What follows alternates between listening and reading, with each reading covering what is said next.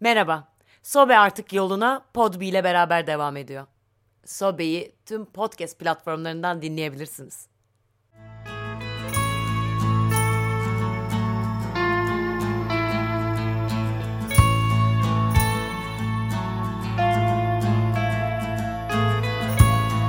Zeynep Hanım hoş geldiniz.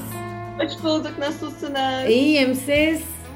Çok iyi, çok iyi. Yani iyi, Allah'a şükür iyi. Ee, ben hemen Londra'da olduğunuz için tabii ki oradaki durumla hemen bir başlamak istiyorum yani çünkü biz Türkiye, İstanbul, bütün dünyayı takip ediyoruz tabii ki buradan ama orada olan birinden bir duymak iyi gelecek galiba. Evet, ben Oxford'dayım. Londra'ya çok yakın. Ama burası 135 bin kişilik bir şehir. Yani burası kasaba gibi kalıyor. Ve burada sokağa çıktığınızda sanırım Türkiye'de böyleymiş. Yani yine insanlar sokakta. Evet. Ve hafifçe yeterince tedbir alınmıyormuş gibi hissediyorum.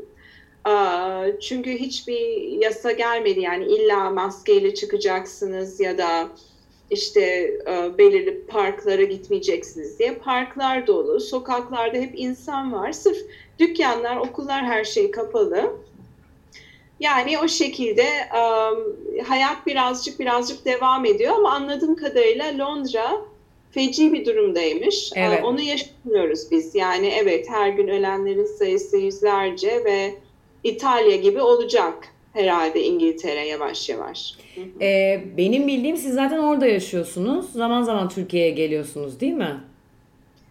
Biz evet uzun senelerdir İspanya ve İngiltere yani yurt dışındayız 2015'ten beri ve hep gidip geldim yani çok sık gidip gelen biriydim.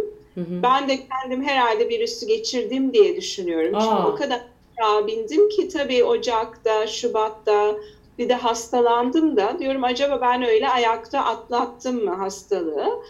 Um, Şimdi de birdenbire durunca her şey açıkçası çok iyi geldi bizim ailemize. Çünkü hep zordu yani biri seyahate gidiyor, öbürü çocuklara bakıyor. Sonra David eşim gidiyor, ben çocuklarla yalnız kalıyorum ve o git gelin yorgunluğu ile aile hayatımız hep ileride olacak bir şeydi. Yani bir gün rahatlayacak. bir gün hep beraber aynı yerde olacağız. Evet, evet ve o oldu. ve onun da hani o açıdan konuşuyorum zaten hani spiritüel eğitiler anlatan biri olduğum için evet. hani bu tarz şeylere bakınca hani bizim aile saadetimiz için bu güzel bir deneyim oldu. Kaç gündür e, karantinada berabersiniz? Evdesiniz? Evdeyiz. Yani çocukların okula gitmesini biz bir hafta önce kesti David. Yani kendi mantığını kullandı. Boris Johnson'ı beklemedi. Hmm. Dedi ki Zeynep hani her yerde okullar kapandı. Bir İngiltere'de açık. Biz yollamayalım. O yüzden biz bir aydır bu şekilde her gün evdeyiz. Bir tek ben çıkıyorum alışverişe. Çünkü David'in astımı var. O hmm. biraz daha korkuyor benden hastalıktan. O yüzden ben alışveriş yapıp getiriyorum. Bir de arada bir park var. Ona bir ailecek gidip geliyoruz. Günde bir saat çıkmaya çalışıyoruz temiz hava için. Onun dışında bir aydır evdeyiz. Şahane, Ama yani. yani bahçe var, ev büyük. Hatta bir Türk bir kız aldık yanımıza. Melissa diye Oxford Üniversitesi'nde okuyan 18 yaşında yatakhanede kalmış. Hiç tanımadan yanımıza aldık. Böylece bir kişi daha var aile dışından yanımızda. Nasıl peki bir araya geldiniz? Benim ee, öğrencim beni aradı. Dedi ki benim en yakın arkadaşımın kızı orada haberiniz olsun. Hani Oxford'da kaldı. Ben de dedim ki hadi yanımıza gelsin. Ay şahanesiniz. Ve hani şey de düşündüm hani benim çocuklarıma da iyi olur. 18 yaşında bir genç Türk kızı piyano da çalıyor. Piyano öğretiyor benim çocuklara hani birazcık evin dengesi daha iyi oluyor. Hani herkes birbirine bağıramıyor Melisa'nın önünde. Olur ya böyle biri olunca daha kibar. Gerçek bir kurtarıcı gibi. Yani hem duruma böyle yaklaşmanız da şahane. Hani bütün aileyi belki de bu olay birleştirdi diye. Hem de Melisa'ya da bu şekilde yaklaşmanız şahane. Yani bence zaten bu olayın yarattığı şey hasta değilseniz, şimdi hasta olunca bambaşka bir olay ama o community yani insanlar bir bir araya dayanışma hali e, hoş tarafı yaşanan bunun. Peki bu e, zaten hani çok merak ettiğim birkaç konudan bir tanesi sizinle konuşmak istediğim. Bu böyle gerçekten insanlar evin içinde kalıp birbirleriyle daha farklı bir iletişime geçecekler. Ya da tek başlarına olsa bile sonuçta kimse kimseyle görüşemiyor, te- temas yok özellikle bedenen. O yüz yüze canlı iletişim yok ve o yüzden herkesin içsel olarak müthiş bir değişime sürükleyeceği konuşuluyor. Sosyal medyada, haberlerde, e, artık uzman doktorlar bile işin bu kısmıyla ilgili yani spiritüel durumlarla ilgili bile bir şeyden bahsetmeye başladılar. E, bu işi uzmanı olmayan doktorlar bile. E, siz nasıl düşünüyorsunuz? Gerçekten böyle bir şey var mı? Bunun gerçekliği var mı? Ya ben de doktor değilim, psikolog da değilim. Ama eşim psikoterapist ve travma terapisti. Dolayısıyla bu alanları çok okudum. Ve güvendiğim insanların söylediği şeyler bu. Yani bu olaya nasıl tepki verdiğimiz yine bizim kendi içsel yapımızla ilgili oluyor. Hani bir duygusal bir çöküntüye giriyorsan bunu koronavirüs yapmıyor.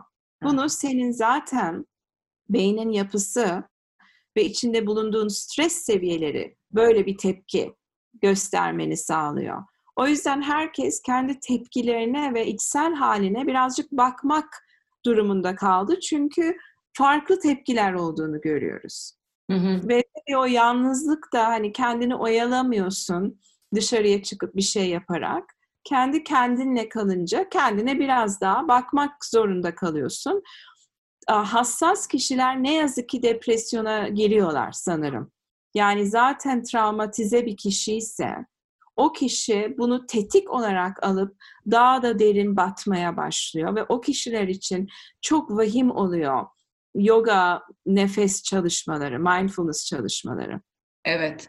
Peki şu an bir de e, aşırı yani mutlaka görüyorsunuzdur belki takip ediyorsanız işte Instagram'da, sosyal medyada, YouTube'da e, inanılmaz zaten bunlar artmıştı. Mindfulness çalışmaları, yoga dersleri, bir takım işte spiritüel videolar çok fazla dönüyordu. Şu an artık WhatsApp gruplarında bile dönüyor vaziyette. Evet. evet. Ee, sizce neden herkes yoga yapıyor mesela şu an evde, karantinada? Şu anlamda yani hem yogayı neden tercih ediyor hem de hareket etmek isteyen için sonuçta bir sürü bunun biçimi ve yolu var. Başka spor videoları da var. Yani yoganın bu kadar dikkat çekmesinin sebebi ne oldu bu süreçte? her ne kadar başka hareket etme tarzları var deseniz de hı hı. yoga yine daha az bir alan kaplıyor. Yani çok fazla hani yerinize zıplamadığınız sürece hı. çok fazla yapacak bir şey yok evde. O yüzden onu düşünürseniz, yani eve kısıtlı kaldığınızı düşünürseniz bir küçücük bir alanda tüm beden pratiği sağlayan tek şeylerden biri yoga. Sonra yerinde hoplayıp zıplayıp zumba gibi yani dans. Aha. Eminim on, o da artmıştır. Ben takip etmiyorum ve biliyorsunuz kendi bubble'ımızı takip ediyoruz değil mi? Hani ben sırf yogacıları görüyorum ama ben zumbacılar vardır ve onlar da takip başlamıştır. Her yönde bence insanların yaratıcılığı arttı. Yani ekmek pişiriyormuş deli gibi insanlar. Hani evet. evde yapabilecek her şey arttı.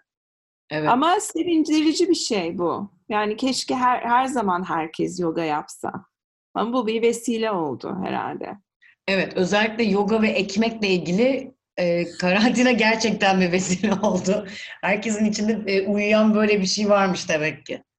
Çok fazla çünkü evet, fırını kullanmak değil mi? Ve yoga yapmak, evet. Ve evet yani bu ikisi için herkes bir yaşam alanı, bir e, sebep bekliyormuş demek ki. Öyle gözüküyor. Yani yoga o kadar bence uh, sevimsiz bir tarafı var ki. Yani uh, o kadar böyle yüzeysel ve hani estetik odaklı bir şey gibi gözüküyor ki medyada. Birçok kişi uzak durdu. Dedi ki ay o yogacılar. Hani bizi hafif küçük düşürdüler.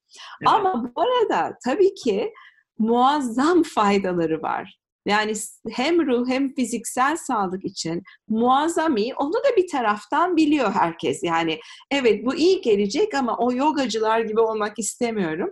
Ama bu koronavirüs belki bir bahane oldu. Hadi, hadi şimdi yapmak zorunda kaldım yoga yeni sonunda diyeyim. Evet. Peki yogacılar niye baştan bu kadar negatif anlamda tepki çekmişti?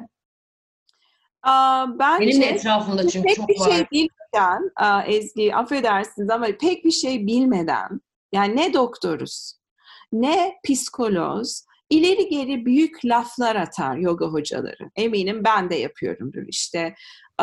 Ne bileyim, aslında mutluluğunuz şurada yatıyor falan gibi böyle hani çok sen gerçekten biliyor musun? Aa, o kadar geniş bir bilgin mi var benim mutluluğumun nereden ya da sağlığımın nereden geleceğini biliyor musun? O kadar insanlar yıllarca tıp okuyor. Sonra sen gelip söylüyorsun sağlık. Yani nedir? 200 saatlik yoga eğitimine katıldın. O yüzden o açıdan çok antipatik bir hava estirir yoga hocaları. Artı bunun üzerinde böyle çok şık pozlar verirler. Evet. Böyle hani hem o hem müthiş derin bir sağlık ve a, psikolojik bilgisi var ama aynı zamanda da çok güzel. Ve hani bunlar a, bence hafif hani hem eğlenceli hem yüzeysel olarak hoşuna da gidiyor ama bir sürü insanda itiraf edelim çok antipatik bir tarafı Evet. da var. Bence o yüzden. Her şey bu kadar güzel ve estetik ve düzgün olabilir mi gibi mesela böyle geri dönüşler e, ben çok duyuyordum kendi çevremden de. Yani hem vücutlar çok güzel, pozlar çok güzel. İçsel olarak herkes çok mutlu. Yani bu nasıl bir hayat biçimi? E çünkü çirkin olan kimse koymuyor yani vücudunu Instagram. Hep güzelleri koyuyor. O yüzden de öyle gibi gözüküyor yoga. Peki bu, e, yani iki gibi. tarafın da bu kadar görüp içinde olan biri olarak siz nasıl başladınız her şeye? Ben 96'da başladım. Ee, o zamanlar New York'ta idim ve New York'ta patlamaya başlıyordu ama öyle bir zamanda yakaladım ki işte Madonna ile aynı sınıftayım. İşte ne bileyim bir sürü o zaman meşhur manken ve aktör ile Jivamukti Yoga Merkezi'nde böyle e, müthiş zamanlar yaşıyoruz. Aa, Ve ondan sonra o merkez kapandı, büyüdü. Sonra başkaları açıldı. Birdenbire New York'ta yoga öyle bir patladı ki tam onun başında oradaydım. Ve e, kendi girmemin sebebi e, erkek arkadaşım o sırada dedi ki sen okuyorsun okuyorsun böyle ay Budizm, Budizm çok seviyorum diyorsun ama Ha okuyordunuz zaten öncesinde. Evet, ne yapıyorsun dedi. Yani sen hiçbir şey yapmıyorsun hayatında. Ama o zamanlarda işte 26 yaşındaydım. Ve e, o zen tapınağa gidiyordu. E, bir yakında bir zen meditasyon yapıyordu. Ben de yogaya başladım onun biraz iteklemesiyle. Ve anında vuruldum. Yani anında beklediğim, hayatım boyunca beklediğim şey buymuş diye girip sonra oradan oraya, oradan oraya farklı yoga tarzları, Hindistan, hani bir şey başka bir şeye yol açıyor. O şekilde New York'ta gelişti yani. Peki bunu birilerine öğretmek nasıl oldu? Çünkü ikisi çok başka bir şey gibi duruyor. Yani insanın kendine bunu öğretmesi ve bu öğretilerin peşinden gitmesi ya da yoganın e, yani bedenen de fiziksel olarak da ama birine öğretmek bambaşka bir şey ya. Bunu istemek de bence çok önemli. Annem de öğretmenlik yaptı çok hayatında. O beceri ayrı bir şekilde var. Yani ben bir şey algıladığımda zaten bunu nasıl aktarırıma gidiyor kafam. Hı hı. Ve e, çok doğal bir hocaydım. Hani yapar yapardım dersi, çıkardım dersten eve yürürken cümleleri sürekli kafamdan geçirdim. İşte sağ ayağın dış kenarını kök salarken sol elinle uza gibi böyle o biraz zordur bunu bedensel şeyleri tarif edip o kişinin akmasını sağlamak. Onu milyonlarca kez kafamda geçirdim ve hala da yaparım onu. Bir şey ifade etme, onun dilini bulmak e, dediğiniz gibi bence bambaşka bir şey Evet. ve herkes de onu yapamıyor ve ben hocalara diyorum öğren, e, öğretmenlere, yoga öğretmenlerine diyorum ki siz yapamıyorsanız bu sizin yoga seviyenizi belirleyen bir şey değil. Yani bu adım böyle önce yoga yaptın, sonra hoca oluyorsun. Öyle değil. Belki hoca olmak istedin ama dolmuyor derslerin, kimse geri gelmiyor. Bunu iyi beceremiyorsun aktarmayı. Sakın ha bunu kendi yoga yolculuğunda bir damga ya da bir başarısızlık olarak görmeyin. Çünkü bambaşka bir şey. Ve onlar iki ayrı bazı insanlar da evet. o yetenek onlar da popüler hoca oluyorlar zaten ama bu demek değil ki çok muazzam insanlar. Yani onu ayır, ayırtmak etmek lazım. Evet, içerik çok önemli tabii ne anlatıldığı ama sizinle ilgili özellikle YouTube kanalınızda yaptığınız şeylerden anlaşılan o ki, yani ben izlediğim, yani çok uzun yıllardır takip eden biriyim sizi.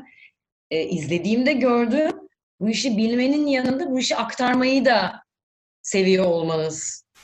Onu devam ettirmeyi de seviyor olmanız. Teşekkür ederim. Sağ olun bunu gördüğün için. Evet, o, o tutku var. Yani büyük bir tutku var. Onun kaynağı da kendi aileme yardım edemedim. Yani en söylemek istediğin hep David'de de bunu görüyorum. Yani kendi abileri, ablaları, kendi annesi. Hani David'in ilişkisi on, onlara mesela master yapıyor Oxford'da.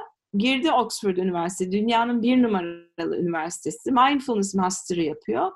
Ailesinden kimse sormadı ne okuyorsun diye. Aa Oxford'a girdi. Hani orada kaldı. Düşünebiliyor musunuz? İçeriğini kimse bilmiyor. İçeriği merak bile etmiyorlar. Ve öyle bir kopukluk olabiliyor ailemizde. Yani seni görmüyorlar tam.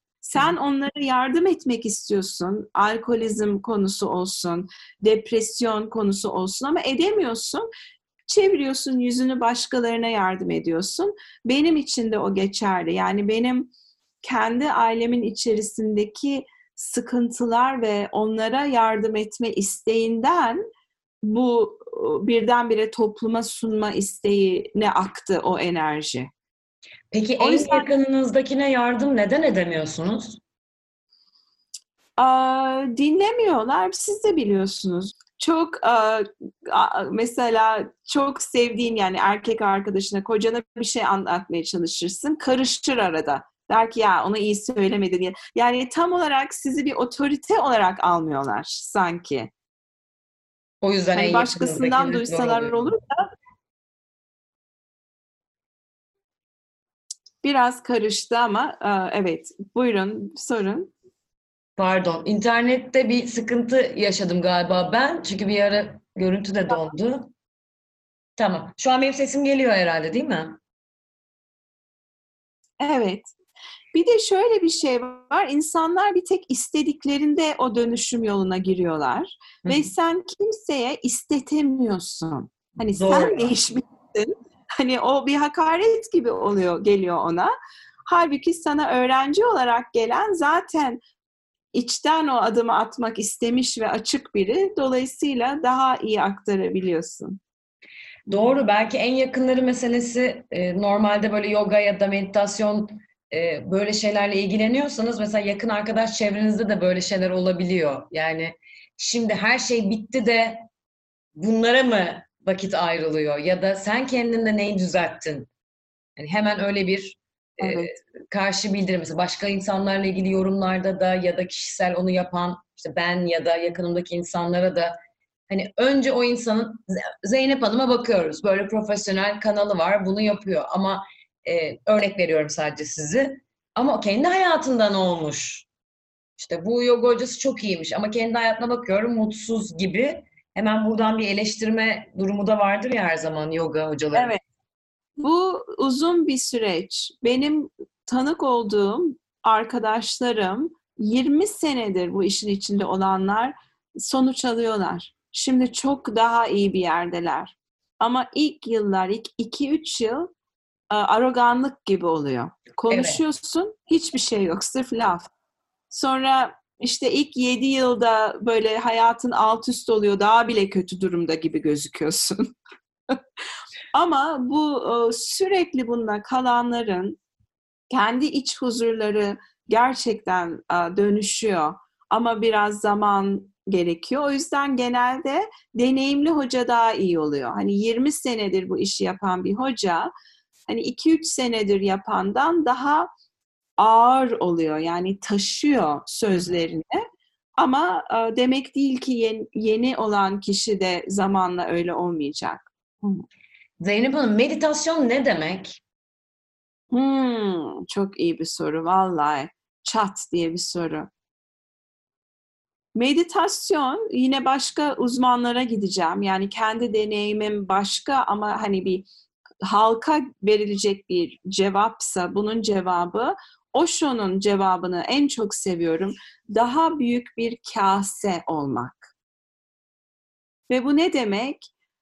Daha fazla şeye tahammül edebilen, daha büyük bir alan açıyorsun kendi içinde. Yani alan açmakla ilgili. Bu Peki ne demek? sadece oturup nefes alarak nasıl hayatımda alan açmış oluyorum? Çünkü o nefes alıp verme sırasında bir sürü duygusal, bir sürü anı, bir sürü sinirsel halle karşılaşma yaşanıyor. Ve onlara alan açtıkça kendi içinde onları reddetmeden, itmeden, çekmeden, dönüştürmeye çalışmadan onlarla kaldıkça onları bir nevi mindfulness'la baktıkça o zaman o alan açılıyor ve e, her gelen şey büyük bir savaşla karşılaşıp e, bastırılmaya çalışmıyor. O kadar geniş bir alan oluyor ki içinde hani gelip giden farklı negatif ya da pozitif düşünceler ve duygular olsa da o sükunet korunabiliyor. O, o düşünceler gelmiyor artık.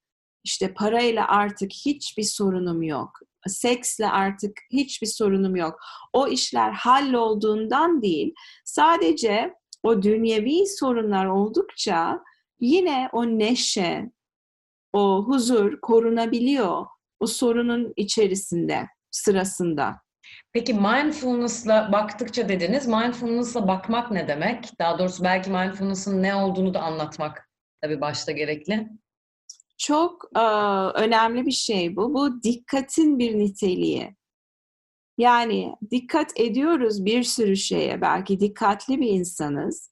Ama çoğumuz için o dikkat bir müdahale bir yargı içeriyor. Yani bir şeye baktığında hemen onu yargılayıp tartıp biçip bir yere koyuyorsun kafanda ve eski bir yere koyuyorsun. Yani hep eskiden bir referans olarak alıp hani mesela eğer tacize uğradıysan bir erkek tarafından her erkek bir tehdit oluyor. Erkekler böyle. Hep bütün erkekleri genelliyorsun hı hı. ve bir korku teşkil ediyorlar. Oysa ki o tacizi yapan o erkekte eskiden yanında şimdi bambaşka bir insan duruyor. Ama evet. ayırt edemiyorsun çünkü beyindeki karıştığı için her şey hemen o geçmiş bu ana yansıtılıyor. Ve bu mütemadiyen yaptığımız şey. Sürekli geçmişimizi bu ana taşıyoruz. Her konuda. Her konuda. Sonra işte mindfulness'la dikkati daha yargısız, açık yani beklentisiz, beklemiyorum senden bir şey, açığım, yargısızım ve arkadaşça yaklaşıyorum. Dikkatin bu niteliği kendi içimize bunu çevirdiğimizde çünkü bakın burada da bir yanlış anlaşma olabiliyor. Bazen zannediliyor ki Aa o zaman herkese anlayış göstermem lazım. Evet. Niye bu mindful davranmıyorsun? Halbuki o değil. Meditasyon sırasında o mindfulness'ı içeriye doğru çevirdiğinde kanıtlanıyor ki beynin yapısı değişiyor. Ve o travmatik beyin yani hipokampus çalışmıyor.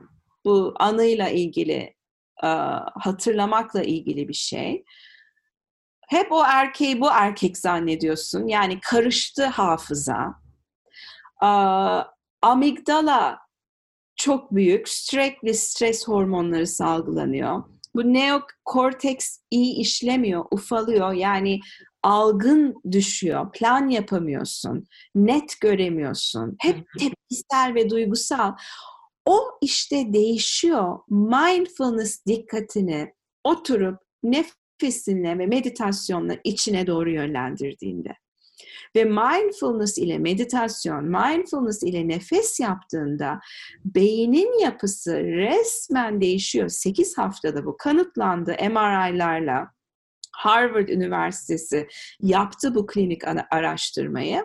O zaman da çıktığında meditasyondan ve gündelik hayatına girdiğinde daha az tepkisel, daha iyi kararlar verebilen, daha buna watchtower diyorlar. Yani uçakları gözlemleyen o uzun kulenin tepesinden bakar gibi olaya kapsamlı bakıp daha net olabilme e, becerin artıyor ve bu insanların hayatında nedir? Yeni bir şey öğrenme, hayallerini gerçekleştirme, e, plan yapıp sonuna kadar odaklanıp bitirebilme, daha iyi ilişkiler kurabilme, daha şefkatli ve coşkulu bir hayat yaşayabilme becerisini veriyor. Peki yani bu Buyurun. Yani mindfulness'ın kendisi meditasyon ya da bir poz bir amaç değil. Evet. Bunlar sadece bir araç olmalı gündelik hayatımızın kalitesini arttırmak için. Peki bu mindfulness, daha doğrusu bu düş mindfulness düşünce yapısını bir insan tek başına hayatına geçiremez değil mi? Birinden, bunu bilen birinden bir destek alması gerekiyor anladığım kadarıyla. Ama o bilen kişi YouTube'da bir kanal olabilir. Ee, yani... Ve bunu yine ben kendime güvenmiyorum bunu söylemek için. Yine doktorların ve a, psikologların dediğine, a, dediklerine göre ha işte ilahiyle bütünleşip spiritüel bütünlük yaşamak istiyorsanız belki çok disiplinli bir hocanın yanında çalışmanız lazım. Ama bizim bahsettiğimiz sağlıkta ve ruh sağlığınızdaki değişiklikleri çok kolay bir kitaptan da öğrenirsin. YouTube'da bir kanaldan da öğrenirsin ve rehberin o şekilde olabilir. Yani e, bahsettiğiniz bizim bilinçaltımızla gelen ve biz gördüğümüz her şeye o eski bilgiyle yaklaşıyoruz diye tarif ettiniz ya ve mindfulness çalışarak bu bakış açısı değiştirilebilir. E, bir insan uzun süren psikoterapilerle bu bilinçaltını temizleyip sonra yeni başka bir bakış açısı kazandığına inanırken sadece mindfulness'la bunu değiştirebileceğine nasıl inanır? Çok güzel Ezgi soruları. Um, çünkü psikolo sırf konuşma terapilerinde bedeni daha dahil etmediği için hı hı. etkileri çok güçlü olamayabiliyor. Bunu eminim bir sürü psikolog ve psikiyatr karşı çıkar ama bu da yavaş yavaş kanıtlanıyor ki bedeni dahil etmeyen bir şey olunca çok büyük bir vaküm içerisinde fikirler dolaşıp hani sinir sistemini dönüştürmediğin sürece yürürlüğe geçmiyor. E, mindfulness'la yani normal terapilerden farkı biz bunu bedene de geçirmemiz mi? Bunu yoga ile mi yapıyoruz peki? Yok, durduğun yerde zaten mindfulness, nefese odaklanman beden. Yani bedeni hareket ettirmene gerek yok bedeni dahil etmen için. Çoğu kişi bedenini hissedemiyor hareket ettirmezse. Evet. Yani yoga hareketlerin güzelliği içe doğru döndüğünde o kişi çok kötü anılar geliyor. Çok bir panik atak gibi olmaya başlıyor. O kadar kötü ki hep dışarıya bakmak zorunda. O kişi için yoga hareketleri süper bir başlangıç.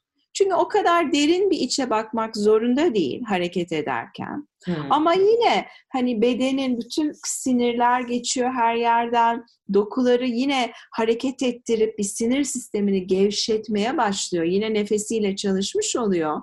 Sonra birkaç sene yoga yaptıktan sonra ilk defa diyor ki Aa, annemle olan bu soruna bakmaya hazırım. Ama bunu hani buradan bir karar olmuyor. Birdenbire o sarın yine gündeme geldiğinde, yine yine bir kız arkadaşıyla, yine bir samimiyet sorunu ve kavga haline girdiğinde bu sefer bir içgörü oluyor ve diyor ki benim annem beni düşman yapmıştı çocukken. Ve sürekli o annemle yaşadığım o hikayeyi şimdiki kız arkadaşlıklarıma yansıtıyorum. Bunlar ayrı şeyler. Evet. Ayrı Evet. ve oradan sonra birdenbire dönüşmeye işte o zaman görüyorsun o kişi değişmeye başladı artık. Aa, ve ama bu bir süre alıyor dediğim gibi hemen çat diye olmuyor. Bu bahsettiğimiz bütün yaklaşım e, aslında bütün düşünce mekanizmamızı değiştirmenin bizim fiziksel olarak yaptığımız sence nefesle nasıl bir bağlantısı var? Yani birçok insan için nefes alıp vermek bir yaşam sebebi, yani yaşama sebebimiz ve fiziksel olarak yaptığımız bir şey. E, fiziksel olarak yaptığım bir şeyin benim bütün bilinçaltıma ve dolayısıyla hayattaki bütün düşünce sistemime nasıl bir katkısı var? Bunu yeni okudum. Direkt olarak vagus sinirini uyardığı için nefes ritimlerimizi biz kendimiz değiştirebiliyoruz. Yani hem nefes otonom sinir sistemine ait, otomatik oluyor uyuduğunuzda bile. Hem de kontrol edebiliyoruz. Beynin anladığı dil sinir sistemi. Yani baktı ki beyin sinirlerin gergin, o zaman hormon salgılıyor. Baktı ki beynin kalp atışın çok hızlı hızlı diyor ki ha kaç savaştayız. Sen uğraşma hazmetmeyle ve besini almayla. Sen kasları tetikle ve gergin tut diyor. Biz nefesi müdahale ederek, biraz yavaşlatarak ve belirli ritimlere sokarak beyne kendi anladığı dille konuşuyoruz ve sırf 5 dakika kontrollü bir nefes tekniğiyle beyin sinyal alıyor. Diyor ki rahatlayabilirsin diyor ve birdenbire bütün kimyasalları farklı salgılamaya başlıyor. Dolayısıyla işte stres hormonları daha az oluyor ve a, beyindeki bağlantılar bile değişmeye başlıyor ve farklı düşünceler bile gelmeye başlıyor. Yani görülüyor ki bedenin kimyası ve tonu belirli negatif anıları hatırlamamızı sağlarken eğer bedenin rahat ve dinlenmiş bir haldeyse o o anılar aklına gelmiyor. Daha farklı şeyler düşünür oluyorsun. Yani beyni ve bedenin mütemadiyen bağlantı içerisinde ve nefes de bunların arasında bir iplik gibi diyebiliriz ve nefesi müdahale ettiğimizde çok şey değişebiliyor. Bunu dinlediğinde bir insanın ideal olarak zaten bu düşünce yapısına geçmesi, geçmeyi istemesi gerekir. Ee, ya da bu çalışmaya hemen başlaması gerekir. Evet. Ne yapması lazım? Oturdu şu an karantinada evinde ve böyle bir siz- sizinle tanışmak istiyor. Yani mindfulness'la ve böyle bir Evet. e, eğitimle ne yapması lazım? Ne yapabilir? Evet işte benim e, YouTube'da Zeynep Aksoy Reset diye bir kanalım var ve iki senedir bütün bunları çok daha uzun uzun detaylı anlatıyorum ve her e, yayının sonunda 20 dakikalık bir mindfulness meditasyonu yaptırıyorum ve geri dönüşler e, muazzam yani yoga hocalığını 20 senedir yapıyorum. Bu resetten aldığım kadar iyi bir geri dönüş almadım diyebilirim. İnsanlar sırf YouTube'dan meditasyon yaparak dönüşüyorlar. Ama işte sevdiğin bir hoca bulmak zorundasın. Hani herkes benle bir bağ kuramayabilir. Çok basit sebeplerden. Hani konuşma şeklimi sevmiyordur ya da görüntüm işte onda bir şey tetikliyordur. O yüzden ilk başta sevdiğiniz ve hani yaptırmasına size izin verdiğiniz bir hoca olmalı. Onu bulmak önemli ve şu anda çok kişi var bence YouTube'da. İngilizce biliyorsanız çok çok daha fazla kişi var. Evet. Evet. Ama sadece bu bir YouTube'da gerçekten birini programlı şekilde devam ederek de olabilir. Önemli olan o iş disiplini sağlayacak, motivasyonu yaratacak birine inanmak, birini bulmak anladığım kadarıyla. Evet, o işte ona biraz ben grace diyorum. Yani o artık Allah'ın hani lütfuyla aa, o istek oluyorsa içinde şanslısın. Ve kimse de nereden geldiğini bilmiyor. Çok çok çok çok ızdırap çekenler var ama hala bir tek bir adım bile atmıyorlar Evet. kişisel evet. dönüşüm için. Ama bazıları da en ufak fırsatta kendini böyle bir ortamda buluyor. Hani nasıl oluyor, kime oluyor onu bilemiyoruz aslında. Peki sizce e, ben kendi şahsi fikrinizi merak ediyorum. Hiç gerçekten böyle bir durumu var ve ben bunu görebiliyorum. Nasıl adım atmıyor hala dediğimiz birçok insan olabilir etrafta. Yani benim var etrafımda gördüğüm. Belki benim için de dışarıdan aynısı düşünülüyordur. E, böyle insanları dışarıdan müdahale işe yarar mı? Yoksa o tamamen insanın kendi içine vereceği bir karar, aydınlanma dediğimiz bir durum mu olması gerekiyor? Benim gördüğüm hiçbir işe yaramıyor. Yani benim dediğim gibi size paylaştım. Ailem olsun. Hani ben işte Robert Kolej'in bu bizim sınıfın grubu var. WhatsApp grubumuz. Hı hı. Sürekli herhalde diyorum ne kadar antipatik buluyorlardır beni. Çünkü yani herkes bir şeyler konuşuyor. Ben mindfulness'ı, şunu nefes çalışmaları atıyorum falan. Hani hiç düşmüyor. Yani hiç böyle gitmiyor, e, boşluğa düşüyor. Emin var aralarında yapanlar ama olmuyor. Ama böyle tepeden gelip kendini daha iyi biliyormuş gibi söyleyince çok antipatik. Onu ben çok yapan biriyim. Ne yazık ki böyle babam da diyor sen hep böyle hoca gibi bana konuşuyorsun Zeynep. Yani ben Reset kanalın değilim. Diyorum bu baba bu benim normal konuşmam artık. Ama hani David de diyor yani arkadaşlarım bile diyor yani ay sunum yapmayı bırak yani hep böyle hani size şu anda yapıyorum sizin hoşunuza gidiyor Ezgi ama arkadaşım olduğunu düşün ne kadar yorucu olur. o yüzden hani insan öyle bir tavırla gelince sevmiyor insanlar. Tepeden çok iyi biliyormuş. Bana şey e, mesela çok merak ediyorum şimdi size anlatırken yani bütün bunları bu kadar farkında olup mesela nasıl siz de böyle bir yani nasıl demoralize olmuyorsunuz? Nasıl bu durumda etkilenmiyorsunuz? Yani koca e, çocukluk lise arkadaşlarınız Robert Kolej'den WhatsApp grubunda devamlı mesela böyle bir duvara çarpıp geri geldiğinin farkındasınız. Ya da işte en yakın aileniz. E, nasıl demoralize olmaz insan? Oluyor. Yani öfke olmuyor mu? Gün içerisinde kendi karakterimi beğenmemezlikten dolayı çöküntüler yaşıyorum. Diyorum ki yani keşke daha şöyle şöyle bir insan olsam falan. Sonra David'e de sordum. Çünkü David de eşim de ben de onu beğenmiyorum. Diyorum ki aman sen nasıl bir insansın falan. Rahatsız olmuyor musun kendinden diyorum. O da diyor ki Zeynep ben seviyorum karakterimi. Böyle hafif İrlandalı kaba, böyle küfür eden, Ay, böyle bir insanın böyle bir şey provokasyon seviyor böyle. Sonra diyorum yani rahatsız olmuyor musun kendinden falan. O dedi ki yok ben kendimi çok seviyorum bu halimi diyor ve orada tam değilim. Yani kendimi çok seviyorum diyemiyorum. Hala beğen, beğenmeyip kendimi çöküyorum ama işte hala çalışacak şeylerim var kendi üzerimde. Bir bağ kurabiliyorum. Yani kuruyorum ki benim o gün içerisinde yaşadığım kendi karakterimden dolayı bir mutsuzluk çok büyük ölçüde ailemin ve annemle ilişkime bağlı.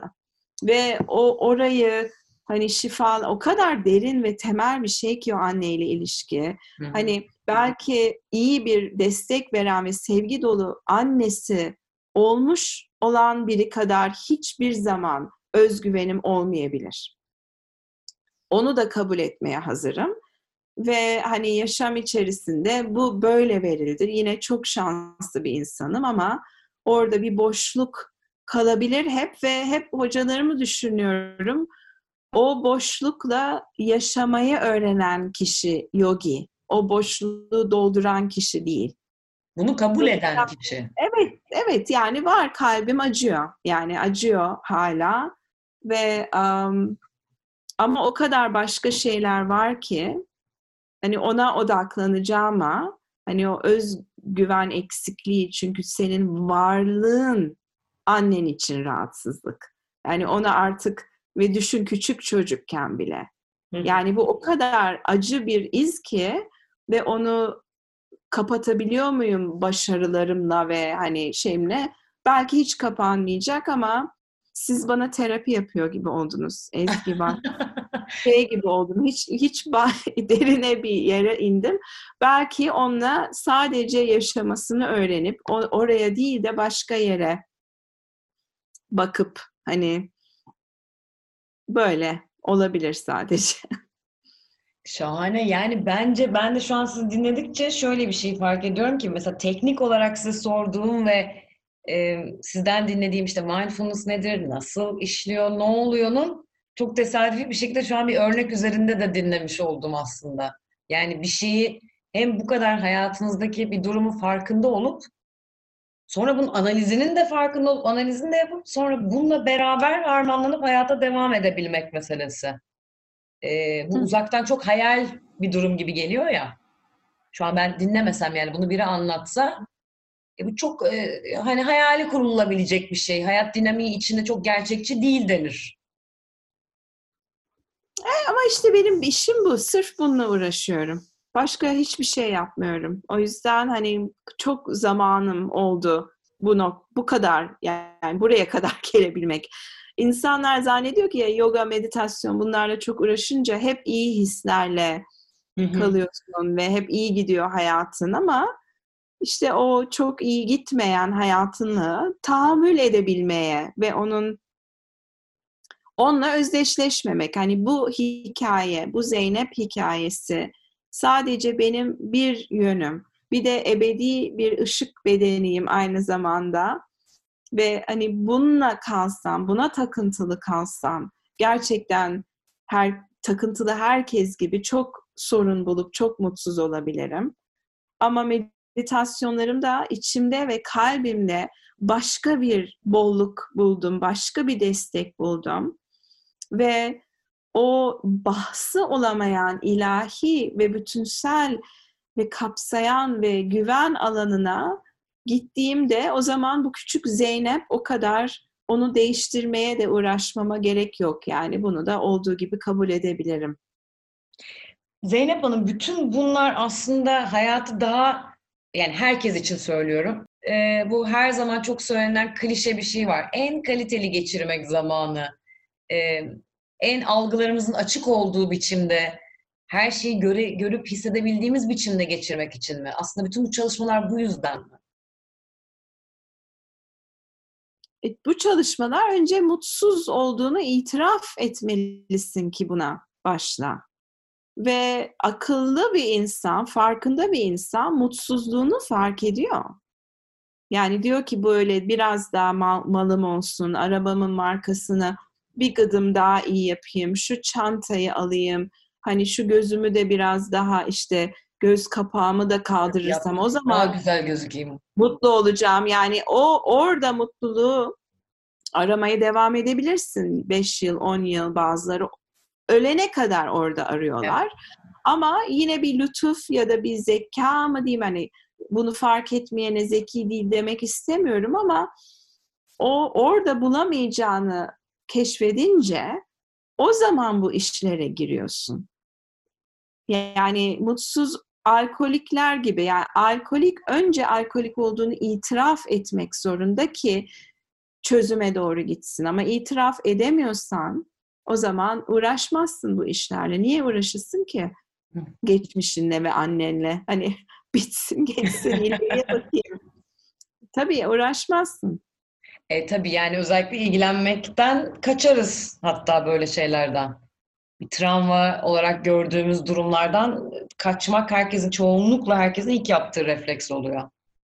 Ama belki toplum da artık yıkıldığı için yani aşırı bir kapitalist ve hırs dolu bir ortamda e, olduğumuz için ve eski bizi rahatlatan değerler yok olduğu için belki o yüzden de bakmak zorunda kalıyor insanlar. Yani illa kişisel ailenle bir problemi olmamış, hani iyi bir ailede, travmasız, büyümüş biri de içine girdiği okul yarışı, para kazanma yarışı, onların içerisinde mutsuz olmaya başlayıp da bulabilir belki bu yolu.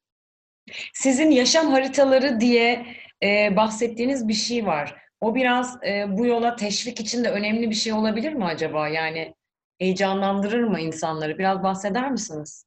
Ben dinledim, izledim ama Yani yoga, meditasyon yapılıyor ama buradaki hedef nedir tam olarak? Ne ne diyor eski metinler? Onu ona bir bakıyoruz. Ve e, aynı zamanda bir iki teori işte kutsal ekonomi, parayla olan ilişkimiz. Bunları hep varsayıyoruz. Bankalar var. İşte tabii ki biriktireceksin para ki güvencede ol. Bu hiç sorgulamadığımız kavramları sorgulatan Charles Eisenstein'ın teorisine bakıyoruz. İnsanların nasıl evrildiğini gösteren bir integral teori, yani evrilmesi fiziksel biyolojik değil, değer sisteminde evrilmeyi gösteren bir şey ve onları anlayınca birazcık bu çok dahi olan insanların yani bu eski metinlerin ve dahice teorileri ortaya atan insanların bu teorilerine bakınca kendini daha iyi anlamaya başlıyorsun. İnsan olmak ne demek daha iyi anlamaya başlıyorsun ve tabii ki bir yön veriyor, anlamsızlık gitmeye başlıyor. Yani gerçekten mi tek amacım burada başarılı, e, zengin ve işte ev sahibi olmak? Bu mu gerçekten tek yürüdüğümüz yol? Ve oradan çıkarmaya başlayıp onun mesela turuncu enerji olduğunu görüyoruz. Hani hep başarı ve maddi odaklı bir e, e, bir tarz değer sistemi sadece bir değer sistemi. Bir de yedi tane daha var. O yüzden onları da öğrendiğimizde hani hayatımızda hangisine çok alan açıyoruz? Başka nelere alan açabiliriz? Evet onları görmeye başlıyoruz. Yani o bilgiyle bu öğrendiğimiz şeyle kendi yaşam haritamızı çıkarmak mesele değil mi? Ve orada bir aslında bir aynalama gibi bir şey mi yaşam haritası? Yani yaşam haritasında e, integral bir insan olmayı hedefleyebiliriz. Yani bir hedefimiz varsa o da kasesi büyük, paradoksları barındırabilen, çünkü bu zekanın bir işareti oluyor. Çok daha basit bir zekada siyah beyaz düşünce var. Onlar ve ben, düşman ve biz. Ve o ya olur ya olmaz. Yani o siyah beyazdan çıkıp biraz daha grileri, ve paradoksları barındırabilen daha yüksek bir zeka, daha integral bir bakış açısı, yani her şeyin iyi tarafını alıp ötesine ge- geçirebilen, yani hiçbir şeyi reddetmeyen, hani hiçbir insan grubunu, hiçbir inanç tarzını reddetmeyen ama iyiyi alıp ötesine geçen bir bakış açısıyla hayatımızı yaşamayı um, hedefleyebiliriz. Nitekim mesela verdiğim ödevlerden biri şey oluyor.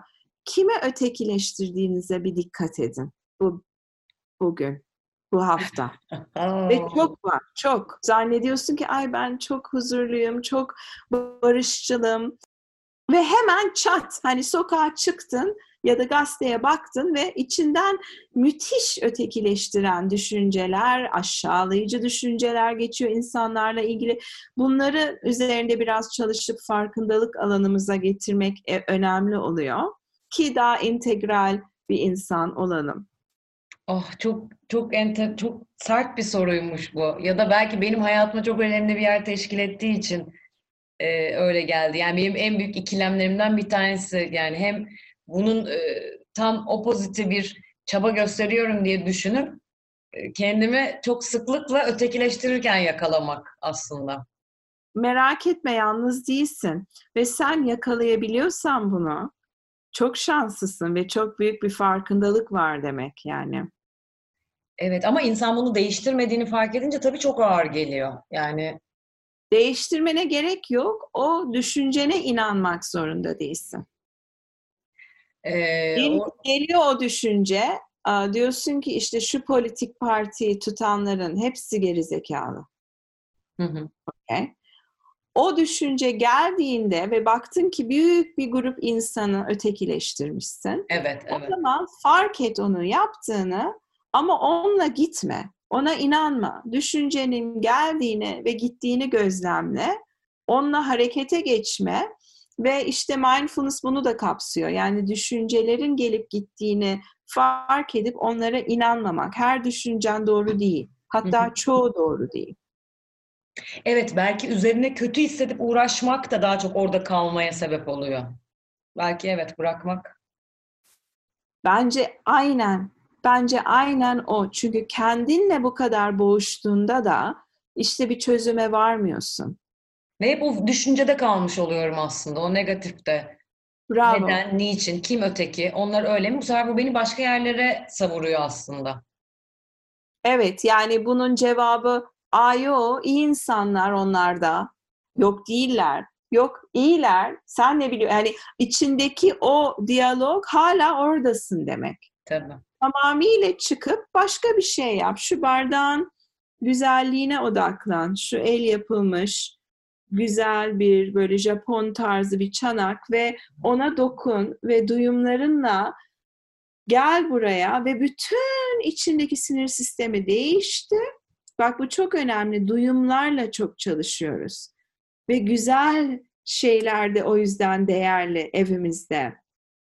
Hani güzellik dikkatimizin gidebildiği, çevremizi hoş yapan ve oradan duyumlarla sinir sistemimiz de değişmeye başlıyor. Ve oradan çıktın şimdi, unuttun o öbür kavgayı kendi kafandaki. O yüzden diyorum fiziksel bedeni içeren bir çalışmadır sinir sistemini değiştirmek. Sırf düşünerek çıkamazsın içinden. Zeynep Hanım siz e, hayatı sobeleyenlerden misiniz? Oyundan mı ortaya çıkıyoruz sobe oyunundan?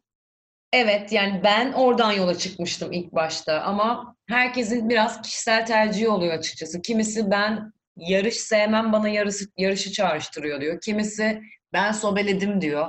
Biraz herkesin hissi başka. Hmm. Size ne çağrıştırıyor?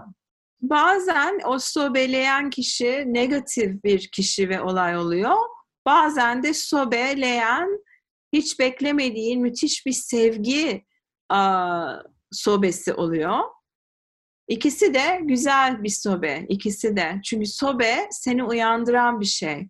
Seni o ana getiriyor. Hiç unutmazsın o sobelendiğin anı. Ve aa, işte o o işte Allah'ın lütfu. Yani o sobe geldiyse sana işte gelmiş sana mesaj ve uyan diyor. Ve çok güzel bir şey bulmuşsun ismini kendi şeyin için. Podcast için. Ne güzel. Zeynep Hanım çok teşekkürler. Vay ben teşekkür ederim. Benim için terapi gibi oldu gerçekten. Karşılıklı. Gerçekten e, çok çok güzeldi. Çok teşekkür ediyorum. E, ben bahsedeceğim ama sizin de kendiniz e, bahsetmek isterseniz kapatmadan yani sizi tam olarak o YouTube kanalını nasıl takip etsinler, ne yapsınlar, ne kadar zamanda bir bir şey yayınlanıyor? Ay çok teşekkür ederim. Aa, Reset kanalım ücretsiz YouTube'da ve şu sıralar her gün olamıyor ama e, bu gündem koronavirüsle ilgili yorumları da e, koymaya çalışıyorum. Onun dışında da Patreon ödemeli bir sitemiz var. E, ayda 25 sterlin ödüyorsunuz ve her gün canlı yoga yaptırıyorum. Yani her gün oradayım ve konuşuyoruz, tanışıyoruz ve yoga dışında da şeyler sunuyorum orada. Hı hı. Onun dışında da işte Reset, Patreon. Onu Instagram'ımdan e, takip edebilirsiniz. Hı hı. Onun dışında da böyle minik kurslar açmayı düşünüyorum. İşte yaşam haritaları ilk kursum. Şahane. Çok teşekkür ederim. Ben çok teşekkür ederim. Çok güzeldi benim için. Çok sağ olun. Sağ olun, sağ olun. Ee, takip edeceğim sizi. Çok e, akıllı ve güzel bir insansınız ve inşallah e, tanışırız bir gün yüze. Oh, evet bence de.